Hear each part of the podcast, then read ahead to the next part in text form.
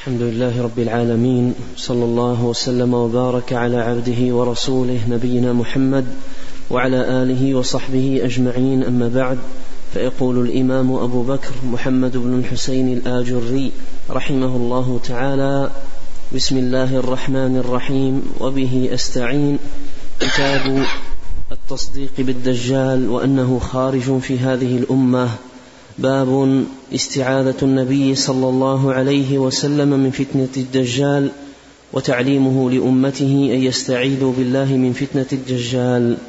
قال أخبرنا أبو بكر جعفر بن محمد الفريابي قال حدثنا محمد بن عبيد بن حساب قال حدثنا حماد بن زيد عن هشام بن عروة عن أبيه عن عائشة رضي الله عنها أن نبي الله صلى الله عليه وسلم كان يدعو اللهم إني أعوذ بك من فتنة النار ومن فتنة ومن عذاب القبر ومن عذاب النار ومن فتنة القبر ومن عذاب القبر ومن شر فتنة الغنى ومن شر فتنة الفقر ومن شر المسيح الدجال. قال أخبرنا الفريابي قال حدثنا من جاب بن الحارث قال حدثنا علي بن مسهر عن هشام بن عروة عن أبيه عن عائشة رضي الله عنها قالت كان رسول الله صلى الله عليه وسلم يدعو اللهم إني أعوذ بك من فتنة النار وعذاب النار وأعوذ بك من فتنة القبر وأعوذ بك من فتنة المسيح الدجال وأعوذ بك من الكسل والهرم والمأثم والمغرم. قال وحدثنا أبو بكر بن أبي داود قال حدثنا أبو الطاهر قال أخبرنا ابن وهب قال أخبرني عبد العزيز بن محمد عن هشام بن عروة عن أبيه عن عائشة رضي الله عنها أن النبي صلى الله عليه وسلم كان يدعو بهؤلاء الكلمات ذكر فيهن وأعوذ بك من فتنة المسيح الدجال وذكر الحديث وله طرق جماعة بسم الله الرحمن الرحيم. الحمد لله رب العالمين وأشهد أن لا إله إلا الله وحده لا شريك له وأشهد أن محمدا عبده ورسوله صلى الله وسلم عليه وعلى آله وأصحابه أجمعين. اللهم علمنا ما ينفعنا وانفعنا بما علمتنا وزدنا علما وأصلح لنا شأننا كله ولا تكلنا إلى أنفسنا طرفة عين. أما بعد هذه الترجمة تصديق بالدجال وأنه خارج في هذه الأمة فيها استكمال لما وعد به المصنف رحمه الله تعالى في بيان الخصال التي جاء في أثر عمر بن ابن الخطاب رضي الله عنه أن قوما من الأمة سيكذبون بها. وذكر تكذيب بالرجم التكذيب بالحوض والتكذيب بالشفاعة والتكذيب بعذاب القبر والتكذيب بالدجال. فأفرد هذه الترجمة لبيان أن التكذيب بخروج الدجال تكذيب بأمر تواترت به الأحاديث عن النبي الكريم صلوات الله وسلامه وبركاته عليه وأن المكذب بخروجه مكذب بما جاءت به السنة جاحد لما أخبر به الرسول عليه الصلاة والسلام بل جاحد لما أخبر به جميع النبيين حيث سيأتي معنا في الحديث أن نبينا صلى الله عليه وسلم أخبر أنه ما من نبي إلا وأنذر أمته من فتنة المسيح الدجال. فالمكذب بهذه الفتنة والجاحد لخروج الدجال مكذب بأمر اتفقت على الإخبار به جميع الرسل في جميع النبوات كما أخبر بذلك نبينا صلوات الله وسلامه وبركاته عليه. وخروج الدجال فتنة هي من أشد الفتن وأعظمها. بل ثبت عن نبينا الكريم صلوات الله وسلامه وبركاته عليه في صحيح مسلم وغيره أنه قال ما بين خلق آدم إلى قيام الساعة خلق أكبر من الدجال. وجاء لفظه في المسند الامام أحمد فتنة أكبر من فتنة الدجال. ففتنة الدجال هي فتنة من أشد الفتن وأعظمها. وهو رجل من ذرية آدم مكنه الله سبحانه وتعالى من بعض مقدوراته فتنة للعباد بل فتنة عظيمة للعباد. ويخرج في آخر الزمان قبل قيام الساعة ولهذا يعد خروجه آية من آيات الساعة وشرط من أشراطها وعلامة من علامات دنو قيامها. ويكون قتل الدجال والقضاء على شره العظيم على يد عيسى عليه السلام عندما ينزل آخر الزمان ونزوله أيضا علامة من علامات الساعة وشرط من أشراطها. والساعة لا تقوم حتى تقوم بين يديها علامات عظام كبار منها خروج الدجال وخروج اجوج وماجوج ونزول عيسى عليه السلام وطلوع الشمس من مغربها آيات عظيمة تكون كالمقدمات والإرهاصات بين يدي قيام الساعة. وفتنة الدجال ورد في بيان عظم خطرها وشدتها والتحذير من الدنو منها والقرب منها أحاديث كثيرة عن رسول الله عليه الصلاة والسلام. حتى قال صلى الله عليه وسلم من سمع بالدجال فلينأ عنه أي يبتعد عن مكانه ولا يقترب منه لأن القرب منه شر. وعلى المرء خطر من فتنته. من سمع بالدجال فلينأ عنه. وهذا حقيقة فيه فائدة عظيمة جدا للمسلم أن القرب من الفتن شر على الإنسان. حتى وإن كان الإنسان يقول أريد أن أرى فقط وأشاهد وأعاين هذا الأمر الدنو من الفتن سواء الفتنة الكبيرة فتنة الدجال أو غيرها من الفتن هذا شر على الإنسان. ولهذا من الخير للمرء أن يكون بعيدا عن الفتن لا يقترب منها لأن القرب منها هلكة وشر عليه. وخطر أن تسلبه هذه الفتن أو أن يتأثر بشيء منها. وقد جاء عن نبينا عليه الصلاة والسلام حديث عديدة فيها الحث على التعوذ بالله سبحانه وتعالى من هذه الفتنة فتنة المسيح الدجال. وأن يكون هذا التعوذ مستمرا مع المسلم في كل يوم من أيامه يستعيذ بالله تبارك وتعالى من فتنة المسيح الدجال. ولا شك أن هذا الحث على هذا التعوذ باستمرار كل يوم يدل على أن أن فتنته ليست بالهينة وأنها فتنة عظيمة جدا. وسيأتي عند المصنف رحمه الله تعالى في أواخر هذه الترجمة سوق لجملة من الأحاديث فيها بيان عظم خطورة هذه الفتنة فتنة المسيح الدجال. وأورد في أول هذه الترجمة جملة من الأحاديث عن النبي الكريم عليه الصلاة والسلام في الاستعاذة من فتنته وتعليمه لامته أن يستعيذوا من فتنته. أحاديث فيها تعوذه هو عليه الصلاة والسلام من فتنة المسيح الدجال وأحاديث فيها أمره للأمة نصحا لهم أن يتعوذوا بالله تبارك وتعالى من فتنة المسيح الدجال نسأل الله عز وجل أن يعيذنا أجمعين وذرياتنا من فتنته ومن الفتن كلها ما ظهر منها وما بطن.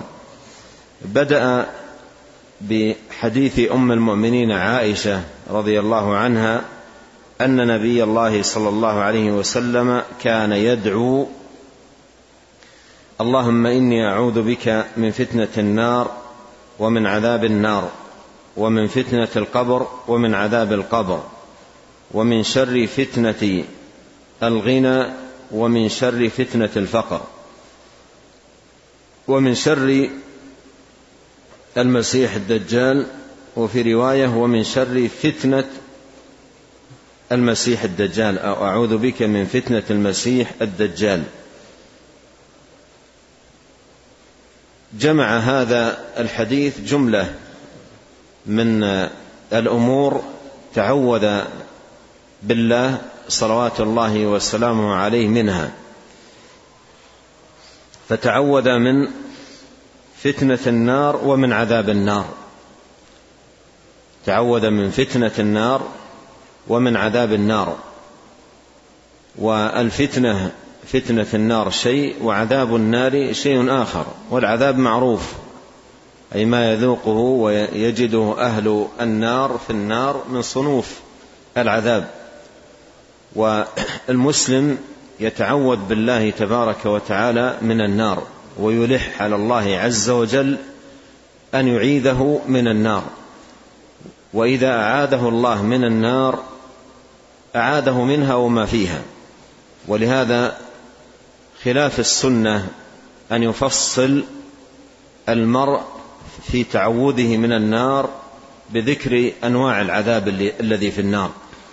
كان يقول المرء في دعاء اللهم إني أعوذ بك من النار وحميمها وغساقها وكذا إلى آخر وسلاسلها و هذا من الاعتداء في الدعاء كما بين السلف رحمهم الله تعالى لأنه إذا أعيذ المرء من النار أعيذ منها ومما فيها. فيكتفى بالتعوذ من النار بأن يقول اللهم إني أعوذ بك من النار ولا يفصل في الأنواع أنواع العذاب الذي في النار. عذاب النار عذاب النار شيء وفتنة النار شيء آخر. ولهذا ذكرهما في تعوذه. قال اللهم إني أعوذ بك من فتنة النار وأعوذ بك من عذاب النار. أما العذاب فمعروف وأما الفتنة فإنها ما يكون في النار من سؤال الملائكة لمن في النار؟ على وجه التقريع والتوبيخ. لأهل النار. كلما ألقي فيها فوج سألهم خزنتها ألم يأتكم نذير؟ هذا هذا سؤال تقريع وتوبيخ وهو فتنة. فالتعوذ بالنار يكون تعوذا من الفتنة فتنة النار وتعوذا بالله سبحانه وتعالى من عذابها. أيضا فيما يتعلق بالقبر. قال ومن فتنة القبر ومن عذاب القبر. من فتنة القبر ومن عذاب القبر. أما عذاب القبر فهو ما يكون في القبر من عذاب وقد مر علينا في الباب الذي قبله أحاديث بينت ذلك. وأما فتنة القبر فما يكون فيه من فتنة. وهو سؤال الملكين الفتانين منكر ونكير للميت في قبره من ربك وما دينك وما ومن نبيك. وهذه فتنة على إثرها يكون حال المرء في قبره إما في عذاب أو في نعيم. والله سبحانه وتعالى يثبت الذين آمنوا بالقول الثابت ويضل الله الظالمين ويفعل الله ما يشاء. قال ومن, ومن شر فتنة الغنى ومن شر فتنة الفقر. الفقر فيه فتنة والغنى أيضا فيه فتنة كل منهما فتنة وكل منهما مبتلى. ولهذا ليس كل من وسع الله عليه في المال دليل على رضا الله عنه ولا أيضا من ضيق عليه في المال دليل على عدم رضا الله عنه. فأما الإنسان إذا ما ابتلاه ربه فأكرمه ونعمه فيقول ربي أكرمن وأما إذا ما ابتلاه فقدر عليه رزقه فيقول ربي أهانا. قال الله كلا يعني ليس الأمر كذلك. ليس الأمر كما تقولون. هذا فتنة وهذا فتنة. الغنى فتنة والفقر فتنة.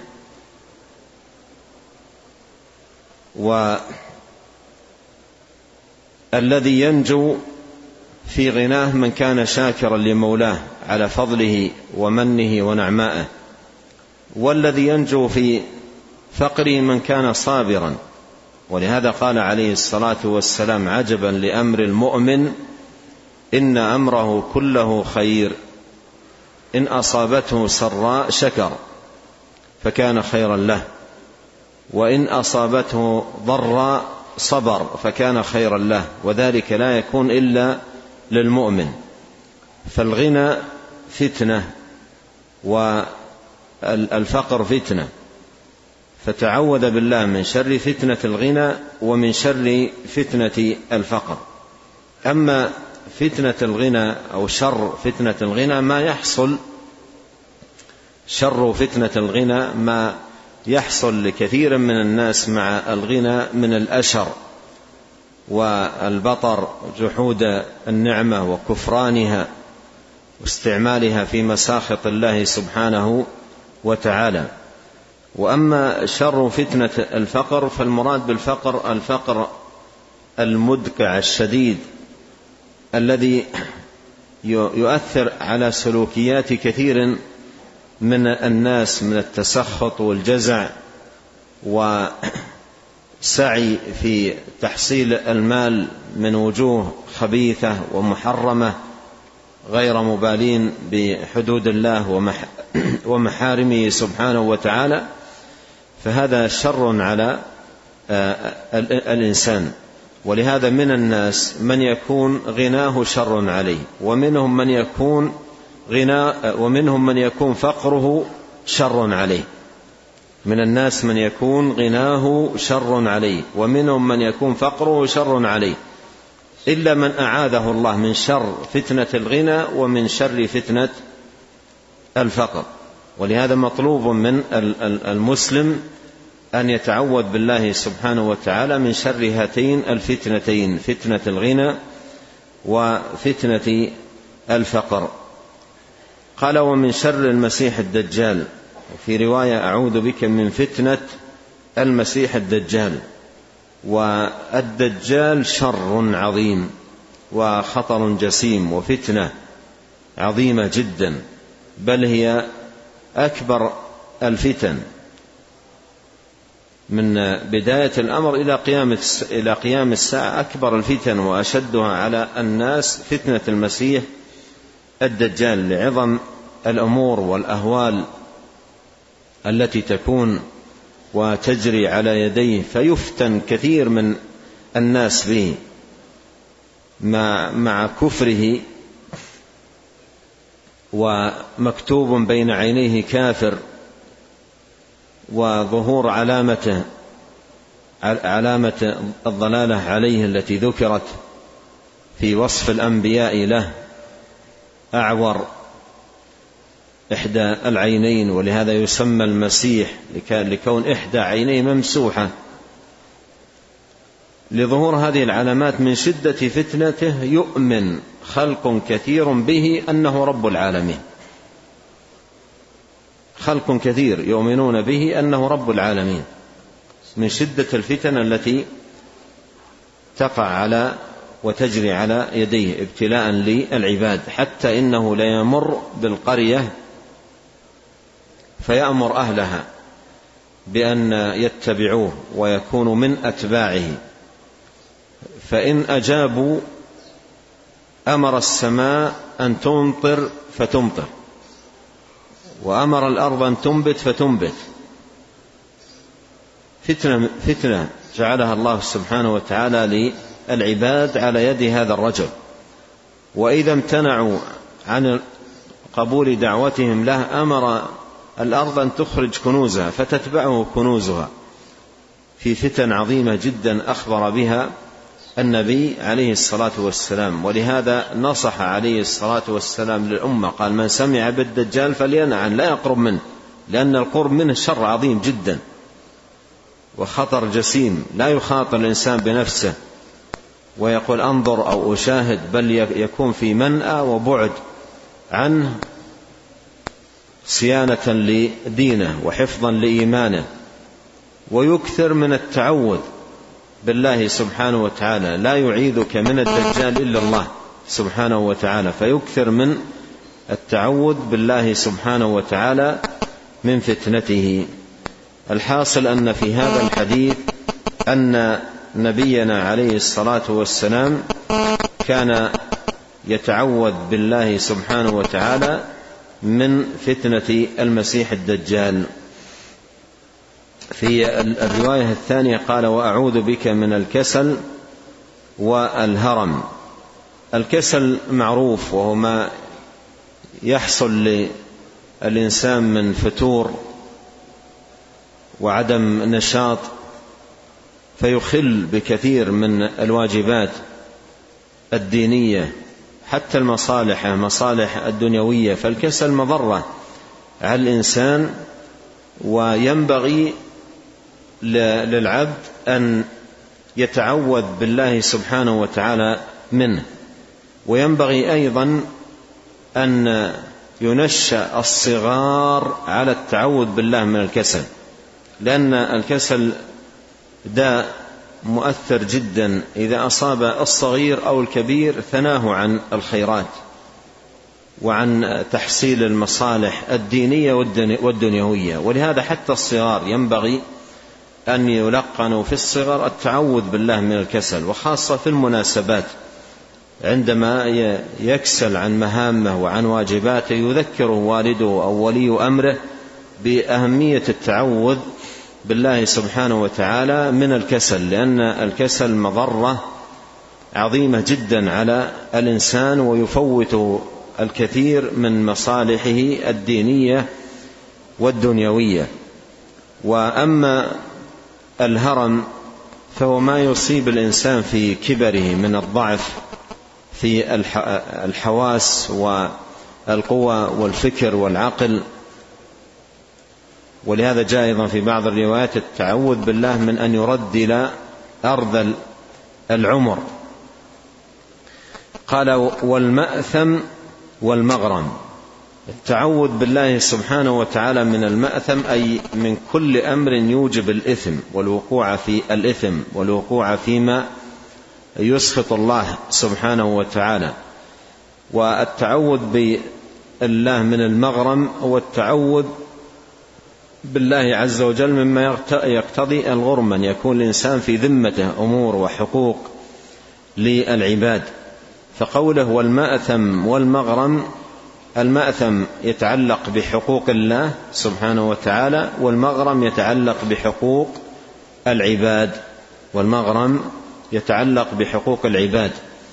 فهو تعوذ بالله سبحانه وتعالى ألا, ألا يكون في ذمة حق لله لم يوفه ولم يقم به فيبوء بالإثم. وأن والمغرم أن يتعوذ بالله سبحانه وتعالى من أن يكون في ذمة حقوق. للعباد يكون غارما مدينا في ذمة للناس حقوق لا يفي بها فيتعوذ بالله من المأثم هذا يتعلق بحق الله ومن المغرم وهذا يتعلق بحقوق العباد. نعم.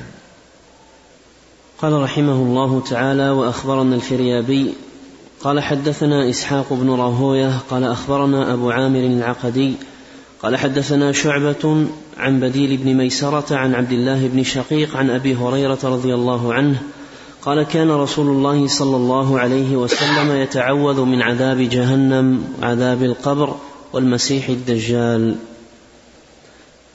قال وأخبرنا الفريابي قال حدثنا إسحاق بن راهوية قال حدثنا معاذ بن هشام قال حدثني أبي عن يحيى بن أبي كثير قال حدثنا أبو سلمة عن أبي هريرة رضي الله عنه عن رسول الله صلى الله عليه وسلم أنه كان يقول اللهم إني أعوذ بك من فتنة القبر وعذاب النار وشر فتنة المحيا والممات وشر فتنة المسيح الدجال.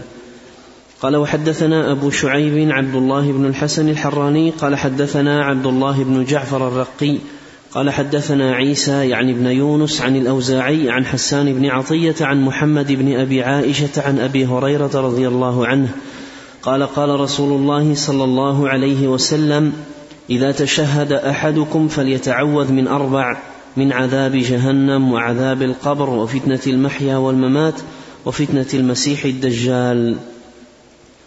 قال وأخبرنا الفريابي قال حدثنا أبو أيوب سليمان بن عبد الرحمن الدمشقي قال حدثنا الهقل بن زياد عن الأوزاعي عن حسان بن عطية عن محمد بن أبي عائشة قال سمعت أبا هريرة رضي الله عنه يقول قال رسول الله صلى الله عليه وسلم إذا فرغ أحدكم من التشهد فليتعوذ بالله من أربع من عذاب القبر وعذاب جهنم وفتنة المحيا والممات وشر المسيح الدجال ثم ليدعو لنفسه بعد بما شاء. ولهذا الحديث, ولهذا الحديث طرق جماعة. ثم أورد رحمه ثم أورد رحمه الله تعالى هذا الحديث حديث أبي هريرة رضي الله عنه في هذه التعوذات تعوذات النبي صلى الله عليه وسلم من هذه الأمور الأربع وأن النبي صلى الله عليه وسلم كان يتعوذ بالله منها وجاء في بعض روايات هذا الحديث أن النبي صلى الله عليه وسلم أمر بالتعوذ منها في التشهد إذا تشهد أحدكم فليتعوذ من أربع فليتعوذ من أربع. وهذا أمر منه صلوات الله وسلامه عليه بالتعوذ بالله جل وعلا من هذه الأربع وقد ذهب بعض أهل العلم إلى وجوب ذلك في التشهد أن يتعوذ بالله من أربع. والصحيح أن هذا من الأمور المستحبة المتأكدة التي ينبغي أن يحرص المسلم عليها في خاتمة صلاته قبل أن يسلم بعد التشهد أن يتعوذ بالله سبحانه وتعالى من أربع من عذاب جهنم وعذاب القبر وفتنة المحيا والممات وفتنة المسيح الدجال. ثم من بعد ذلك يدعو لنفسه بما شاء من الدعوات ولا سيما الدعوات الجوامع الماثورة عن النبي الكريم عليه الصلاة والسلام. كان يتعوذ عليه الصلاة والسلام من هذه الأربع في في صلاته. اللهم إني أعوذ بك من فتنة القبر أي فتنة الملكين وعذاب النار وشر فتنة المحيا والممات. شر فتنة المحيا فتنة مفرد مضاف. والقاعدة عند العلماء أن المفرد إذا أضيف يعم. فمعنى قول فتنة المحيا أي من جميع الفتن التي تمر على الإنسان في حياته. تمر على الإنسان في حياته. وكذلك الفتنة في الممات يعني عند الموت. فربما يتعرض الإنسان في أواخر حياته أو عند موته إلى أمر والعياذ بالله يبعده عن الدين ويصرفه عن دين الله سبحانه وتعالى. ولهذا فإن المسلم ينبغي عليه أن يكثر من التعوذ بالله عز وجل من فتنة المحيا وفتنة الممات وشر فتنة المسيح الدجال وهي من أشد الفتن وأعظمها. نعم. قال رحمه الله تعالى وأخبرنا الفريابي قال حدثنا قتيبة بن سعيد عن مالك بن أنس عن أبي الزبير عن طاووس عن ابن عباس رضي الله عنهما أن رسول الله صلى الله عليه وسلم كان يعلمهم هذا الدعاء كما يعلمهم السورة من القرآن يقول قولوا اللهم إنا نعوذ بك من عذاب جهنم وأعوذ بك من عذاب القبر وأعوذ بك من فتنة المسيح الدجال وأعوذ بك من فتنة المحيا والممات. في الحديث الأول قال ثم ثم ليدعو لنفسه بعد بما شاء.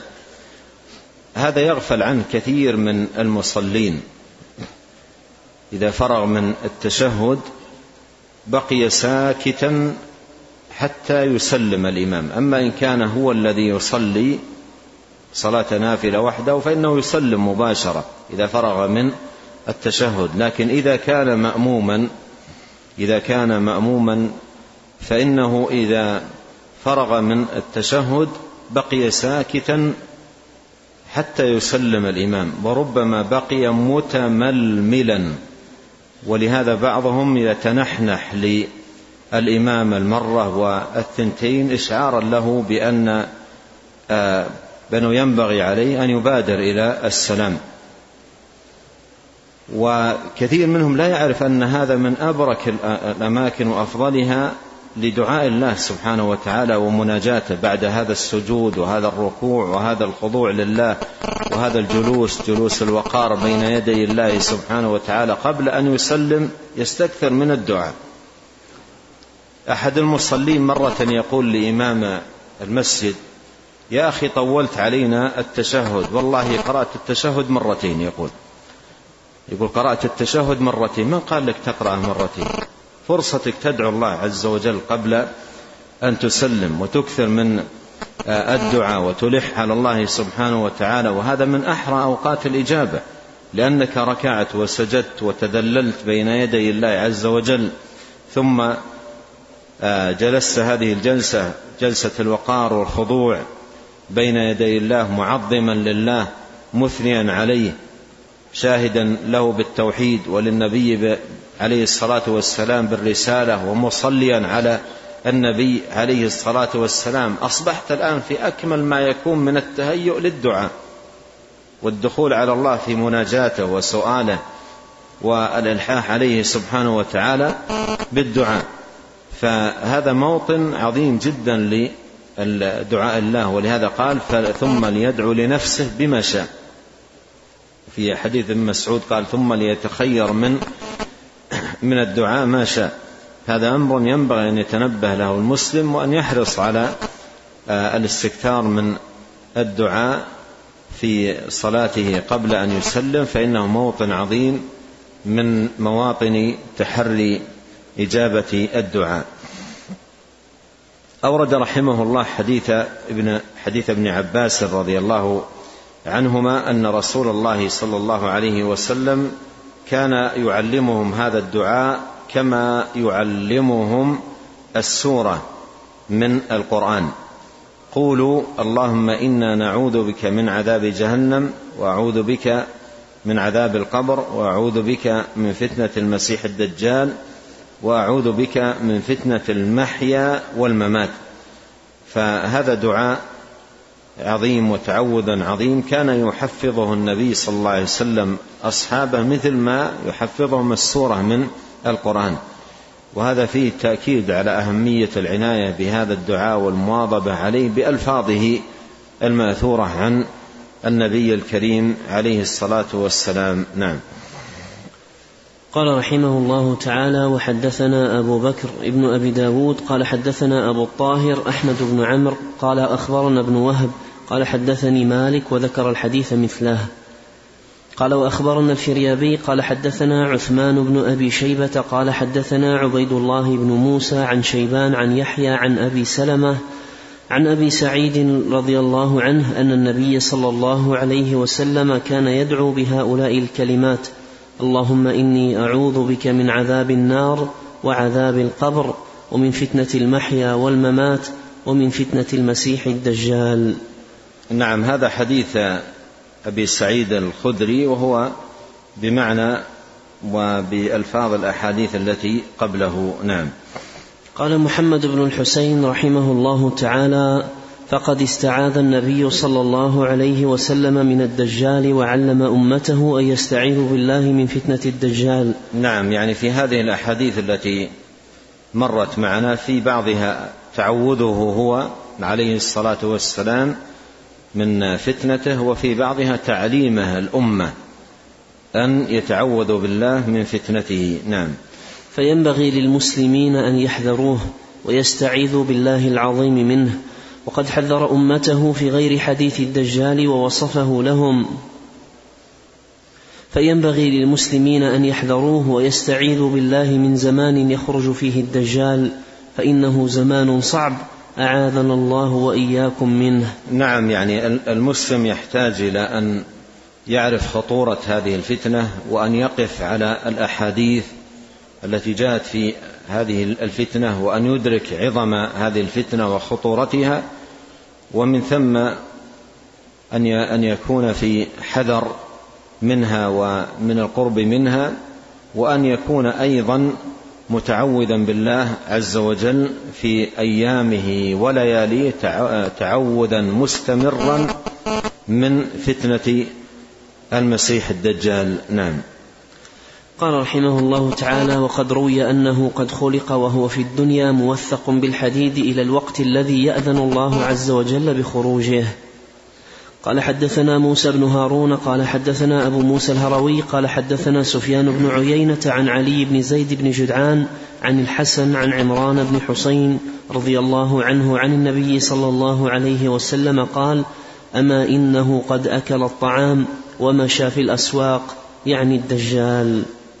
وحدثنا أيضا موسى بن هارون قال حدثنا محمد بن عباد قال حدثنا سفيان عن ابن جدعان عن الحسن عن ابن مغفل أن رسول الله صلى الله عليه وسلم قال لقد أكل الطعام ومشى في الأسواق. يعني الدجال. قال الآجري رحمه الله تعالى وقد روي أنه خلق وهو في الدنيا موثق بالحديد إلى الوقت الذي يأذن الله عز وجل بخروجه. وهذا الذي ذكره رحمه الله تعالى دلت عليه أحاديث سيأتي الإشارة إلى شيء منها. أورد اولا حديث عمران آه، بن حسين آه، رضي الله عنه أن النبي صلى الله عليه وسلم أنه قال أما إنه قد أكل الطعام ومشى في الأسواق يعني الدجال. هذا فيه شاهد لما ذكر المصنف لكن الإسناد ضعيف. من أجل علي بن زيد بن جدعان ضعيف ومن أجل أيضا عنعنه الحسن وهو البصري رحمه الله تعالى. ثم أورد رحمه الله تعالى أحاديث أخرى في تقرير هذا المعنى وهو أن الدجال خلق وأنه موجود في الدنيا وأنه موثق وسيأتي عند المصنف رحمه الله تعالى من الأحاديث ما يدل لذلك ويشهد له. نكتفي بهذا ونسأل الله الكريم أن ينفعنا أجمعين بما علمنا وأن يزيدنا علما. نسأل الله العظيم أن يعيذنا وذرياتنا من فتنة المسيح الدجال ومن الفتن كلها ما ظهر منها وما بطن. وأن يوفقنا لما يحبه ويرضاه من سديد الأقوال وصالح الأعمال. اللهم آت نفوسنا تقواها وزكها. أنت خير من زكاها. اللهم إنا نسألك الهدى والتقى والعفة والغنى. اللهم إنا نسألك الثبات في الأمر والعزيمة على الرشد ونسألك موجبات رحمتك. وعزائم مغفرتك ونسألك شكر نعمتك وحسن عبادتك ونسألك قلبا سليما ولسانا صادقا ونسألك من خير ما تعلم ونعوذ بك من شر ما تعلم ونستغفرك لما تعلم إنك أنت علام الغيوب. اللهم إنا نسألك من الخير كله عاجله وآجله ما علمنا منه وما لم نعلم ونعوذ بك من الشر كله. عاجله وآجله ما علمنا منه وما لم نعلم. اللهم إنا نسألك الجنة وما قرب إليها من قول أو عمل ونعوذ بك من النار وما قرب إليها من قول أو عمل. اللهم إنا نسألك من خير ما سألك منه عبدك ورسولك محمد صلى الله عليه وسلم.